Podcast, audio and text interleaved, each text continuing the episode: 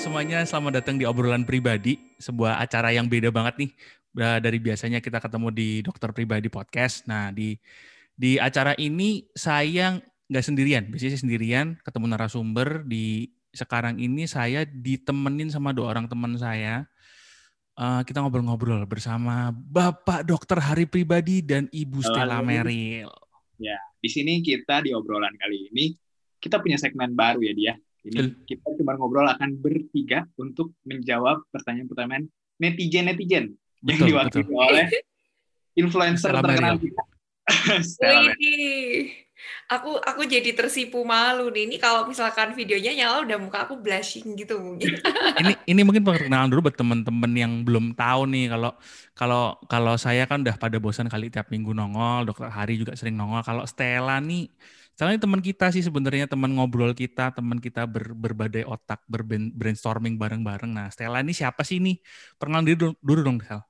Oke, halo semua nih. Uh, aku Stella Meril.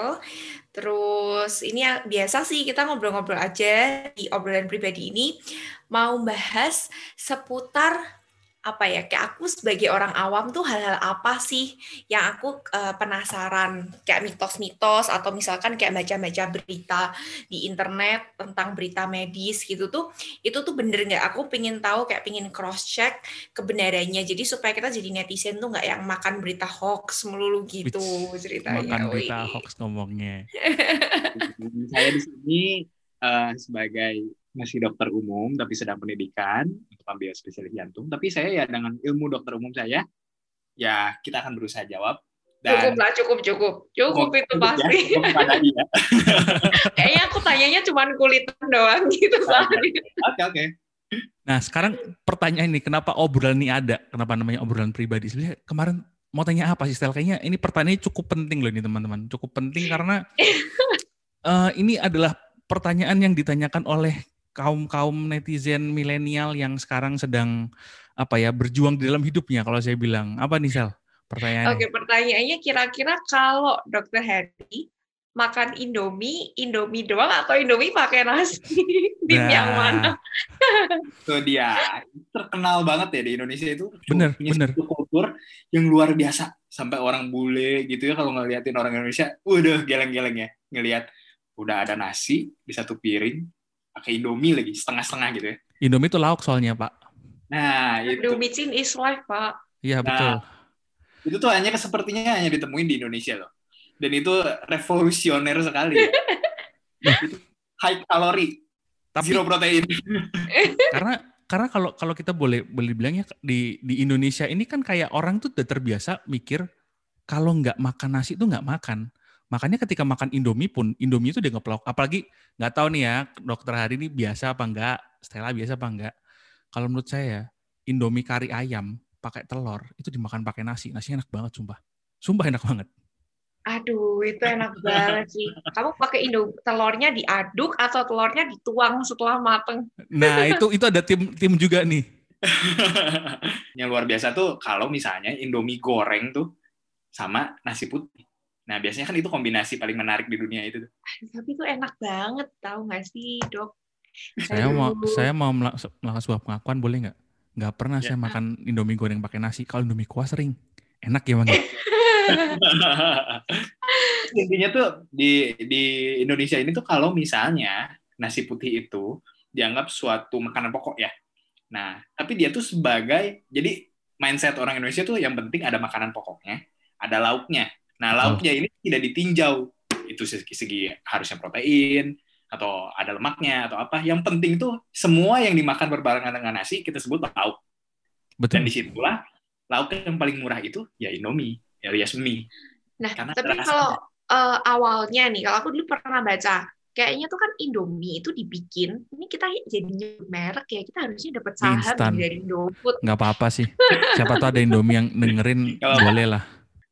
Iya, jadi eh, kalau misalkan kita makan Indomie atau anime instan gitu, itu kan sebenarnya katanya dibikin itu untuk bahan makanan ketika terjadi bencana kan. Kayak misalkan kayak kamu kalau makan itu semua kebutuhan nutrisi itu terpenuhi atau sebenarnya cuma kebutuhan kalori yang terpenuhi atau gimana sih? Kayak asal muasalnya gitu. Sebetulnya yang hanya kebutuhan kalori doang. Jadi betul uh, mie instan itu karena kan pertama diciptakan tuh uh, suatu makanan yang bisa kita makan di mana saja kapan saja dengan tempo yang cepat. Keluarlah mie instan. Yeah. Nah, kita itu istilahnya mencukupi kebutuhan kalori dulu yang paling penting. Itu tuh. Uh, dalam rantai makanan ter ter terdasar begitu kan. Yang penting tuh kenyang dulu, kalorinya ada. Nah, dari proporsi kita makan semua tuh, yang paling banyak proporsi itu harus karbohidrat tetap. Nah, karena itu Indomie atau mie itu kan dia sebetulnya tepung. Nah, tepung itu ya karbohidrat. Hmm. Itu. Nah, nggak cocoknya itu. Hmm, Jadinya kalau makan nasi sama Indomie ekses kalori dong malahan kalau nah, gitu. Betul, betul itu. I see. Hmm. Berarti dapatnya cuman karbohidrat sama no. micin tok. Micinnya oh, enak ya tapi ya. ya emang. Terus jadi gimana? Kalau untuk tipsnya gimana? Kalau untuk yang para pencinta Indomie pakai nasi, sebenarnya aku tuh Betul. tipe yang nggak makan pakai nasi sih. Cuman karena papa aku kan ada diabetes jadi kayak kita dari dulu tuh nggak terlalu banyak makan konsumsi makan nasi tapi uh, gimana untuk yang netizen netizen yang memakan indomie dan nasi gimana supaya bikin ini sedikit lebih bernutrisi nih dok ya intinya sih kalau makannya gitu ya misalnya satu piring tuh biasanya nasi itu full nah sekarang dia potong aja misalnya setengah nah kalau dia tetap harus makannya dengan indomie ya udah indominya pun dari bisa satu satu biji indomie begini ya dia cuma makannya setengah kan itu kan Waduh, tapi kalau gitu tuh nggak puas dong nanti netizennya makan karena, tuh. Karena bumbu Indomie nggak bisa diparo, Pak. Iya, nah, makanya. dijadiin satu dulu, terus istilahnya yang setengahnya kasih orang. Nah, oh. Nah, dari tengah setengah uh, space yang di dalam piring itu, ya dia tetap harus masukin tuh. Ada sayurannya, ada daging, atau protein apalah yang telur, telur, telur, telur, telur, telur, telur, gitu. Intinya kebutuhan kebutuhan harian itu dia harus terpenuhi. Bentar. Ini berarti tuh, aduh, Aduh, Ta gimana tapi kalau gitu setelah ada yang menarik berarti. Berarti sebenarnya kita tuh harusnya makan Indomie itu nggak boleh di rumah. Makan Indomie itu harusnya di warung. Karena di warung biasanya Indomie ada telur, ada sayurnya. Jarang dikasih nah, nasi. Oh iya benar juga ya. Itu. Jadi Jadi malah Indomie warung tuh jauh lebih apa ya bermartabat gitu ceritanya. Nah, itu. lihat tuh kalau bungkus Indomie ya, ya di ya. depannya itu lihat gambarnya tuh kan bukan cuman Indomie, terus uh, apa cuman mie-nya doang yang pakai bumbu udah kelar. Enggak kan? Tapi di, di dalamnya tuh ada gambar ayamnya, ada gambar macam-macamnya sayurnya gitu. Apalagi kalau gambarnya itu di kalau di Indonesia kan itu itu tidak mungkin banget lah Indomie pakai nasi taruh di depan jadi cover nggak mungkin itu. Iya iya iya iya. Itu berarti sebenarnya gini, berarti kenyataannya yang ada di depan bungkus Indomie itu bukan marketing ya Pak ya, tapi itu adalah referensi untuk kita memakan Indomie betul. dengan sehat. Iya. Ya, Mungkin ya. kalau versi yang agak murah bisa dicampur pakai telur atau kalau nggak kalau nggak pakai ayam pakai tempe tahu gitu kali ya buat nah, ganti proteinnya betul. gitu ya. Bener bener bener. Mungkin ya. ini ini masalahnya kan ya namanya juga Indomie itu makanan sejuta umat ya. Jadi. Tapi kalau anak kos tuh nggak mampu nanti pak. Nah, bukan nggak mampu. Tempe itu kan murah banget tuh sama tahu. Males. Oh iya. Iya sih bener. Oh bener-bener lebih bener itu sih. Males masak, males prepare gitu kan soalnya. Masuk oh, kan cukup masak nasi, eh sorry, cukup masak air, cemplungin, kelar. Iya. Hmm. Aku tingkat kegagalannya sangat rendah sekali. Tuh tadi. Hmm. mungkin mungkin mungkin habis ini ide nih buat kalau ada orang dari Indofood atau Wingfood atau siapa pun yang bikin mie instan itu kalau punya ini ada inspirasi nih habis ini jangan mie instan doang tempe sama tahu instan juga boleh kalau gitu oh iya boleh ya ada loh Indomie yang premium itu udah ada ada, ada, ada dagingnya dagingnya iya sih tapi harganya lebih mahal dok jauh ba nah, jauh iya. banyak kayak yang biasa tuh kayaknya berapa ya? Seribuan ya? Seribu dua ribuan. Nah. kalau yang premium tuh kayaknya hampir sepuluh ribu. Padahal paha ayam satu biji delapan ribu ya biasanya. Iya. iya sih. Iya sih. Orang jadi makan indomie nih sama nasi itu kan karena kita tuh suka uh, selain karena indo karena mie instan tuh enak ya. Tapi kan juga itu sederhana apa paling gampang bikinnya Terus yang jadi pertanyaan lagi, kalau kita makan berkepanjangan tuh efeknya gimana dok? Karena kan ada yang ngomong, oh nanti makan makan ini instan kebanyakan, ususnya bolong atau gimana tuh? Itu sebenarnya Oh iya iya iya iya. Oh, itu bener nggak sih kalau efek jangka beredar. panjangnya nih gitu? Karena kan sekarang tuh kemarin- mie instan rasanya banyak banget ya. Jadi tiap hari kita mau ganti rasa juga kayak sebulan belum habis gitu loh.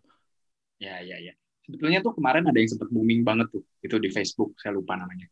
Itu dia katanya hobi makan uh, Indomie, terus udah gitu tiba-tiba dia datang ke dokter, terus bilang ususnya bolong.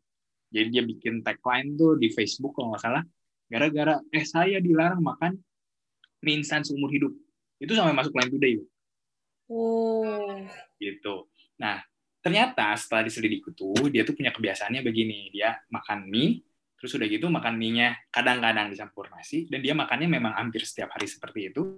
Dan ada masalahnya, ketika dia itu makan, makan Indomie atau makan nasi itu kan sebenarnya karbohidrat tuh kalau misalnya kita minum itu kan starch ya, karbo ya. Hmm. Nah, dia ketika uh, kemasukan air atau apa jadi ngembang gitu, bloating. Nah, Hmm. jadi perutnya kan kayak kembung seperti itu. Terus dia tuh hobinya makan juga yang pedas-pedas. Kadang-kadang ada Oh. cukanya seperti itu. Jadi dia cenderung uh, dia itu asam lingkungan di lambungnya. Dan dia pertamanya sih kenanya GERD. Mungkin ya dokter pribadi pernah bahas ya bersama dokter Anto. Oh, oke oke. Andreas Nathanto. Nah, ketika dia tinggi terus, kadar asam lambungnya akhirnya dia tergerus. Ah, jadilah dia sampai waktu itu di endoskopi udah luka katanya lambungnya. Nah, Oh.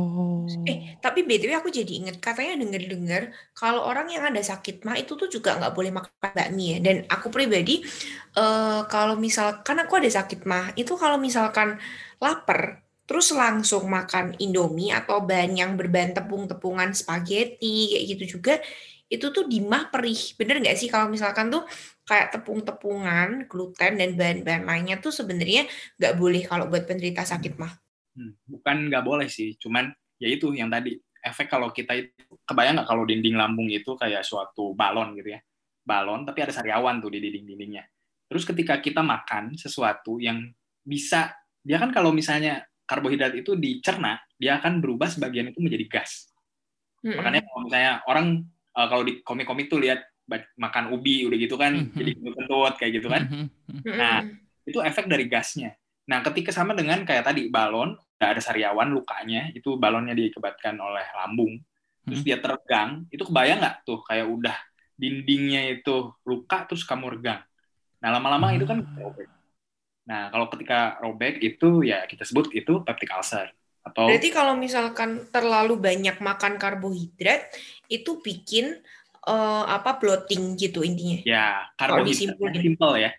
Jadi kita sebetulnya karbohidrat itu ada dua macam kalau menurut kedokteran ya. Karbohidrat simple atau simple starch atau yang dia rantai panjang.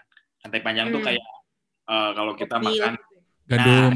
itu oatmeal, gandum, makan oatmeal atau gandum kerjaan saban hari perutnya jadi sebah enggak kan? Enggak. Hmm. Nah, tapi kalau makannya mie kayak gitu, nasi putih itu cenderung gampang eh apa bloating. Dan Jadi itu biasanya tuh makan mie atau eh nasi itu cenderung banyak tuh orang Indonesia tuh. Lihat aja. betul, Iya sih satu bakul gitu sama satu Betul. piring besar gitu. betul, betul.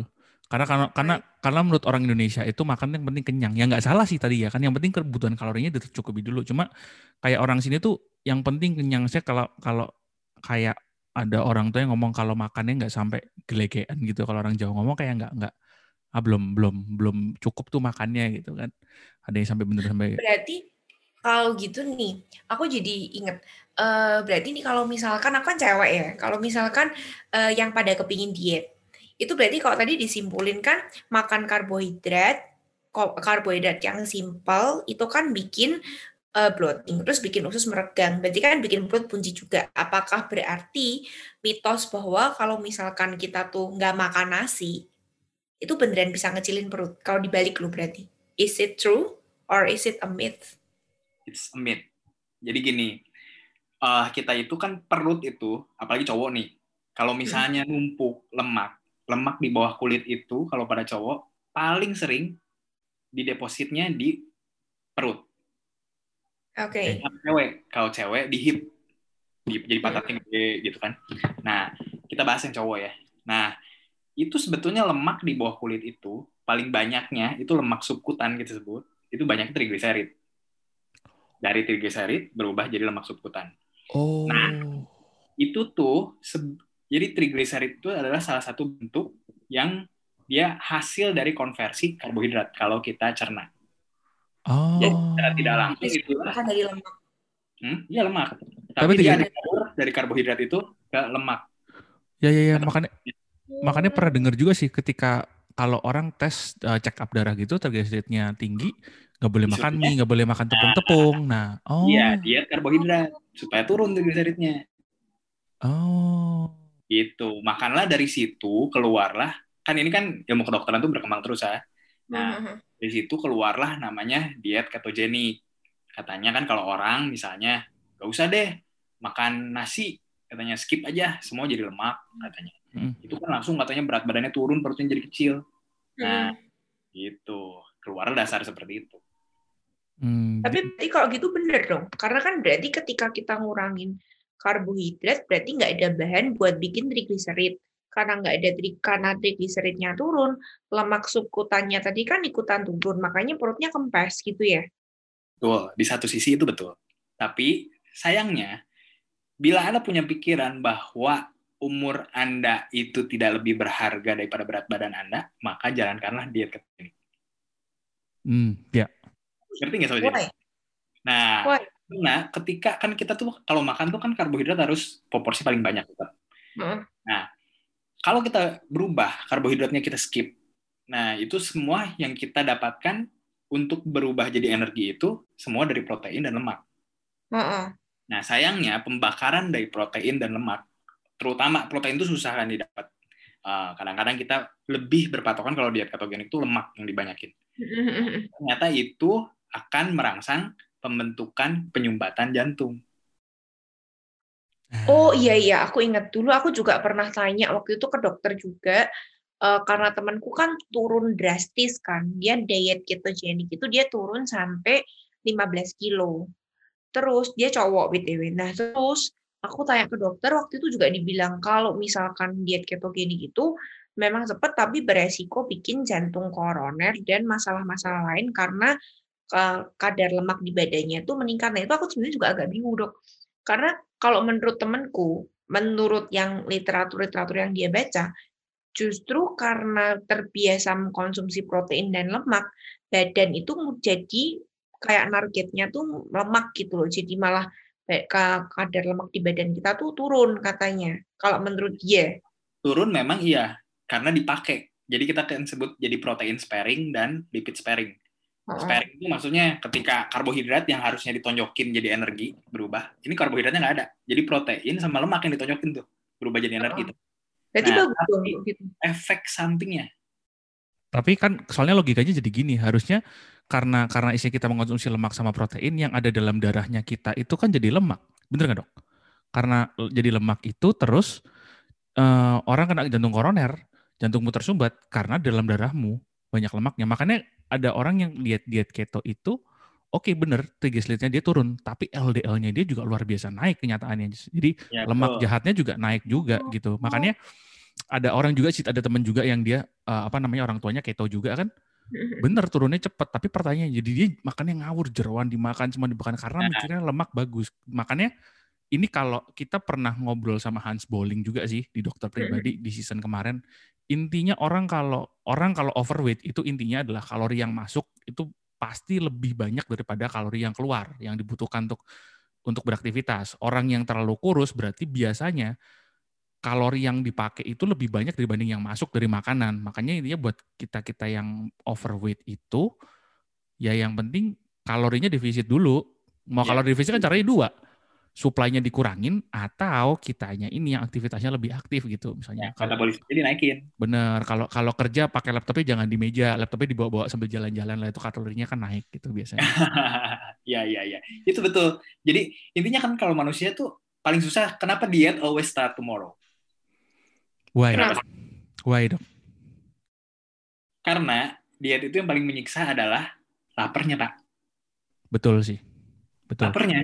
Betul. Gitu. Karena orang itu diciptakan itu dia kan harusnya dalam kondisi calm gitu kan. Hmm. makan cukup apa cukup. Ketika dia makannya nggak cukup tuh, dia ansietas, keluarlah stres, keluarlah kadar katekolamin. Itu dia jadi modenya tuh fight for survival. Hmm, ini Nah, katekolamin ini tinggi banget nih Hmm. kadarnya itu. Jadi orang tuh jadi istilahnya kalau bahasa Jawa mungkin geragas ya. Sekali Oh dimakan. ya, betul. Jadi rakus. Nah, karbonya nggak diblok nih. Tapi prinsipnya diet ketogenik kan kamu nggak boleh makan karbohidrat. Yang penting kamu makan lemak, kamu makan protein, segala ada dimakan. Nah, masalahnya bablas tuh biasanya. Yang dimakan tuh lemak semua. Nah, prinsipnya itu yang lucunya lagi tuh, kita tuh kan tadi yang udah disebut di awal ya, karbohidrat tuh harusnya 50% ya. 30% atau eh, 25 sampai 30% itu protein, Mm-mm. lemak itu hanya mencapai 15 sampai 20 persen, sedikit. Gitu. Tapi ketika kita masuknya ke diet ketogenik itu dibalik tuh. Lemak sama proteinnya jadi tinggi banget Gitu. Oh. bedanya. Dan kalau tadi yang kita sebut, kalau misalnya si lemak sama protein ini eh, dikonsumsi dalam berlebihan dan dia di metabolisme terus-menerus, kondisinya adalah dia mengeluarkan efek eh, samping di metabolit sekundernya. Istilahnya hasil buangannya tuh. Apa? Oh, apa tuh? Pertama tuh si darahnya jadi asam karena dia jadi eh, keluarnya tuh beta hidroksibutirat. Anjir. Itu tuh kondisinya tuh jadi asam banget darah kita tuh. Nih. Makanya kalau diet ketogenik tuh orang disuruh minum banyak kan gitu kan. Hmm. Nah, Itu tuh supaya dia itu juga jadi yang keluar tuh di orang awam tuh katanya minum harus minum air alkali itu. Itu karena Ah. itu karena itunya karena Salah buat membalance membalance Membalance. keasaman itunya Betul. jadi itu. Oh, oke. Kondisi keasaman seperti itu tidak baik gitu. Tapi kalau misalkan kita minum air alkali gimana? Dibuat balancein. Is it enough? enggak juga. Pokoknya diet ketogenik itu tidak baik sih dalam kedokteran. Ini ini ini nggak tahu ya. Ini sotoynya saya. Sotoy sotoynya sotoynya seorang host podcast dokter pribadi nih. Ini karena gue ngobrol sama si Hans juga sih. Sebenarnya nggak ada yang namanya gini, yang namanya diet itu kan mengatur pola makan. Itu itu yang itu yang itu yang eh, si Hans ngomong gini. Diet itu kalau orang Indonesia mikirnya adalah membatasi makan, bukan. Diet itu kan soal ngatur. Jadi kalau kalau kita sekarang hari ini overweight, berarti kenyataannya ada yang salah nih dari yang kita makan, bukan maksudnya salah dalam artian mungkin porsinya salah, komposisinya salah, kayak gitu kan kayak mikirnya oh gula tuh cuma datangnya dari dari nasi. Padahal kan kalau kita cari karbohidrat sayur aja ada karbohidratnya, kentang tuh ada karbohidratnya, wortel ada betul. karbohidratnya. Gitu. Biasanya tuh paling sering tuh yaitu komposisinya yang salah atau kita salah memilih. Oh, Ya nih, ya. Mending makan spaghetti atau mending makan mie? mending makan spaghetti apa mending makan mie? Pertanyaan bagus nih. Spaghetti kalau aku. Kenapa? Soalnya tadi nggak disebutin kan jenis spagettinya apa. Jadi bisa jadi spagettinya whole wheat misalkan. Nah, betul. Jadi spaghetti itu kalau dilihat-lihat ya, dia rantai karbohidratnya, dia rantai panjang. Beda sama nasi, sama mie, dia rantai pendek. Oh. Walaupun spaghetti yang biasa juga. Iya. Oh. Fun fact, fun fact. Fonte lah Fonte mungkin atau Oh iya iya. endorse bisa. Kita kembali ke itu, kembali ke kebiasaannya kita. Bukan kebiasaan kalau saya ngomong, kesukaannya kita. Makan mie instan dengan nasi. Berarti intinya nggak boleh dong. Nggak boleh, bukan nggak boleh ya dok. Tapi sebenarnya Boleh gini. tapi di paruh tadi porsinya. Ya, intinya sih kita harus mencapai kebutuhan kalorinya, kalori harian, jangan lebih. Tapi jangan semuanya dari karbohidrat, intinya seperti itu. Jadi kalau misalnya itu tuh ya, orang kan biasa kalau makan Indomie yang biasa tuh, Hmm. cukup satu kan, minimal Iya. dua. Nah, Iya. Dua kebanyakan ini, makanya dikeluarkanlah Indomie Jumbo. betul. Karena karena banyak kaum kaum seperti saya makan dua kebanyakan, makan satu kurang. Jadi Nah. dibikinlah Indomie jumbo di tengah-tengahnya gitu. Gitu. Ya ya ya ya. Nah, karena itu tuh jadi tiap kali kita makan kalau misalnya pagi makan Indomie satu misalnya. Hmm. Ada ada teman saya nih kejadian nih. Karena dia eh, punya eh, kebiasaan pengen makan simpel banget gitu ya. Hmm. Dan dia dari SMA itu yang tadinya di rumah ada yang masakin, ada yang eh, apa? pembantunya gitu ya. Hmm, Ini tiba-tiba dia ke dikasih rumah sendirian, dia ngontrak gitu. Hmm. Dia pengen simpel dan males keluar. Jadi makannya Indomie pagi satu, siang Indomie goreng dua, malam Indomie kuah dua. Ini ini Iya. hidupnya endorse by by Indofood ya. ya mungkin uh, mau memaksimalkan saham ICBD. Nah, Iya, iya. ICBP, ICBP. ICBP, ICBP benar. Nah, dia 6 bulan naik 15 kilo, Pak. Ih, serius?